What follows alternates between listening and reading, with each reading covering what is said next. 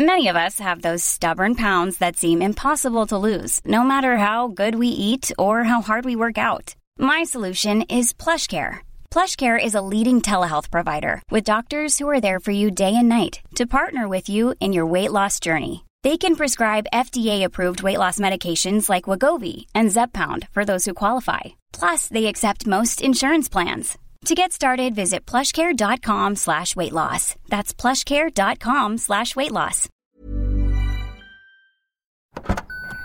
Trying to grab all the groceries in one trip? Oof, not how you would have done that.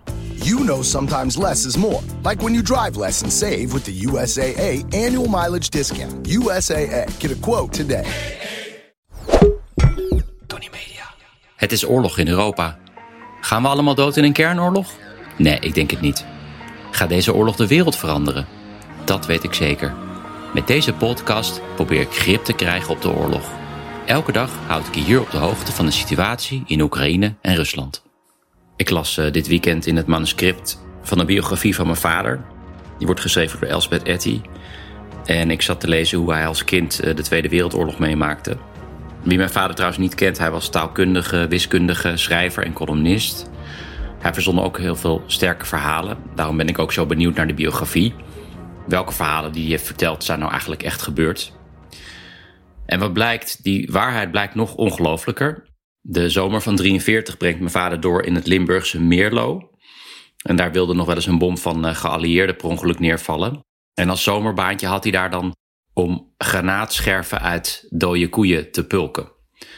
Um, hij was toen ook al bezig met taal. Hij was heel gefrustreerd dat Stalingrad net geen anagram was van Stralingdag. En het is absurd dat ik, 80 jaar later, over diezelfde kaart gebogen zit en kijk waar het front loopt. En dat er weer een oorlog wordt uitgevochten met tanks en soldaten. En ook helaas met dezelfde oorlogsmisdaden. Alsof er eigenlijk in 80 jaar niks is veranderd. Alsof vooruitgang een soort van dun laagje vernis is. Dat denk ik in ieder geval op mijn uh, donkerste momenten. In ieder geval, dit is wat er gebeurde op dag 40 van de oorlog.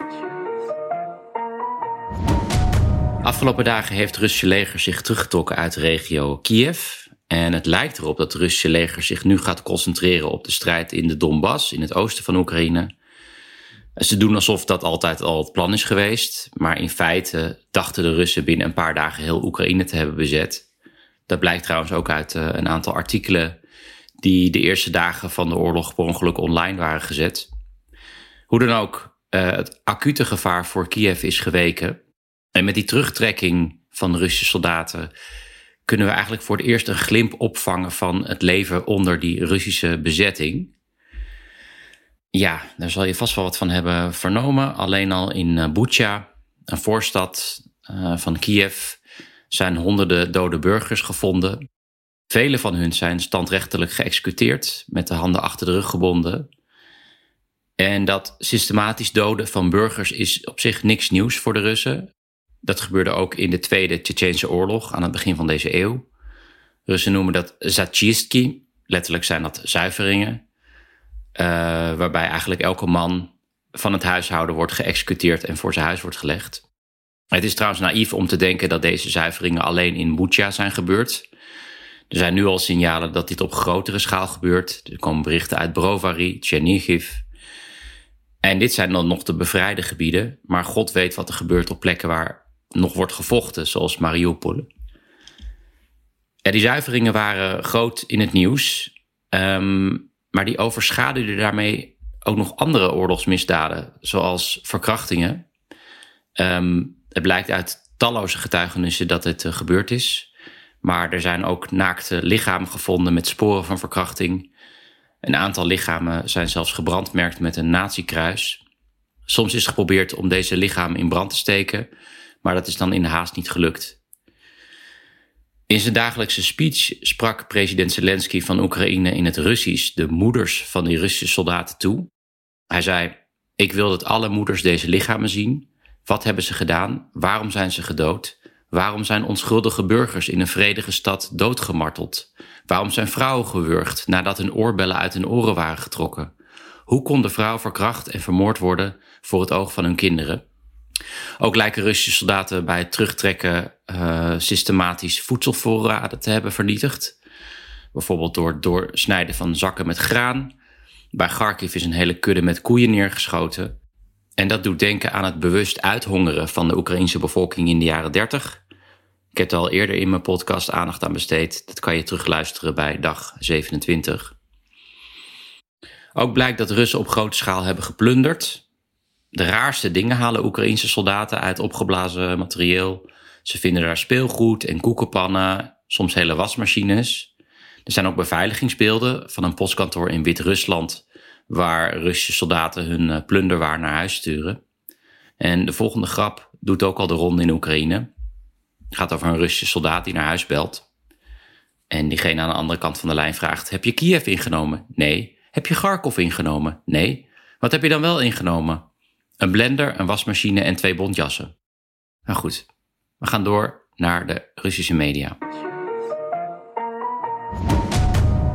Ja, in de grootste krant van Rusland, de Komsomolskaya Pravda, uh, noemt de oorlogscorrespondent de zuiveringen in Bucha een fake. De naam van die correspondent is overigens Alexander Kots. Zelden was zijn naam zo toepasselijk. Op tv wordt het ook een fake genoemd, een provocatie van de nazi's, etc. Het zijn dezelfde mechanismen die in werking traden na het neerhalen van MH17 en ik vind het me eigenlijk mijn tijd niet waard om hier aandacht aan te besteden. Ik hoop echt dat er een hel bestaat en dat Kots en al het andere tuig uh, dat zich journalist noemt, daar eeuwig zullen branden.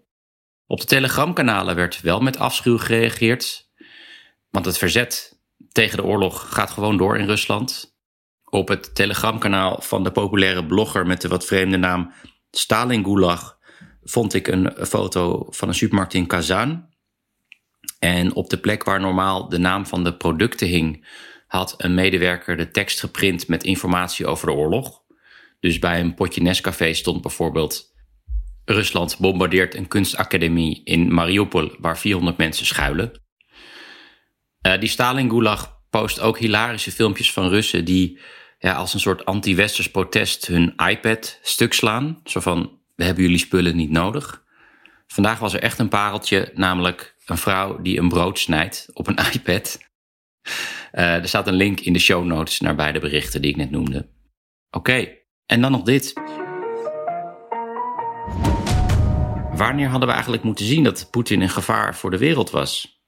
Misschien in 2020 toen hij Navalny vergiftigde? Of in 2014 toen hij de Krim annexeerde?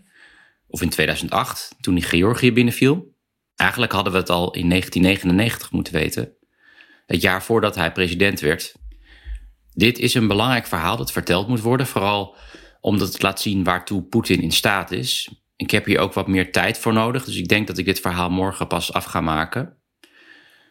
Hoe dan ook, het is 1999 en president Yeltsin heeft net een nieuwe premier benoemd, Vladimir Poetin. Een onbekend gezicht. In de Sovjet-tijd was hij een beetje een onbeduidende officier voor de KGB. Uh, gestationeerd in Dresden in de nadagen van de Sovjet-Unie. Kort na de val van de muur verbrandde hij zijn uh, KGB-archief in Dresden dus. En later heeft hij die val van de muur ook wel de grootste geopolitieke catastrofe van de 20e eeuw genoemd. Dus dat zegt ook wel wat over hem. In de jaren 90 is hij actief in Sint-Petersburg. Daar is hij bezig met het op grote schaal stelen van staatsbezittingen. En daarbij helpt hij ook zijn vrienden om oligarch te worden en dus ook afhankelijk te worden van Poetin. En dan in 1998 keert hij terug bij zijn oude nest. Hij wordt hoofd van de FSB, de opvolger van de KGB. En dus in 1999 wordt hij premier. En een maand nadat Poetin premier is, zijn er een aantal aanslagen op flats in Rusland. Verspreid over Rusland worden er vier flats opgeblazen en daarbij vallen 300 doden. En al snel wordt de vinger gewezen naar Tsjetsjeense rebellen. Uh, je moet weten, na het uiteenvallen van de Sovjet-Unie wilde Tsjetsjenië een eigen land. En na een oorlog in het begin van de jaren 90 uh, is er een soort wapenstilstand uh, gekomen tussen Rusland en uh, rebellen. En vanwege die bombardementen begint Poetin een nieuwe oorlog met Tsjetsjenië. De Tweede Tsjetsjeense Oorlog. En het wordt een bloedige oorlog. Er worden dezelfde tactieken toegepast als in Oekraïne nu.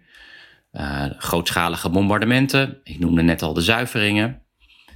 En wat voor dit verhaal belangrijk is, die oorlog heeft enorm geholpen voor de populariteit van Poetin, die op dat moment echt nog onbekend was. Hij won in één ronde de presidentsverkiezingen in het jaar daarop met 53% van de stemmen. En dan kom ik nu terug op die bombardementen van Russische flats.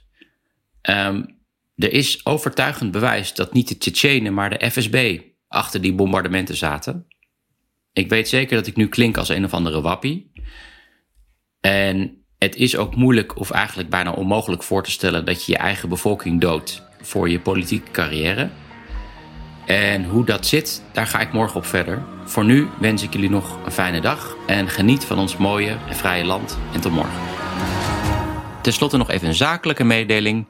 Om deze podcast draaiende te houden, zoeken we nog adverteerders. Er wordt ontzettend veel naar deze podcast geluisterd. Kennelijk is er veel behoefte aan dit soort informatie. Dus ik hoop dat het lukt. Je kan een mail sturen naar adverteren, apenstaartje, tonnymedia.nl. Tony is met een Y.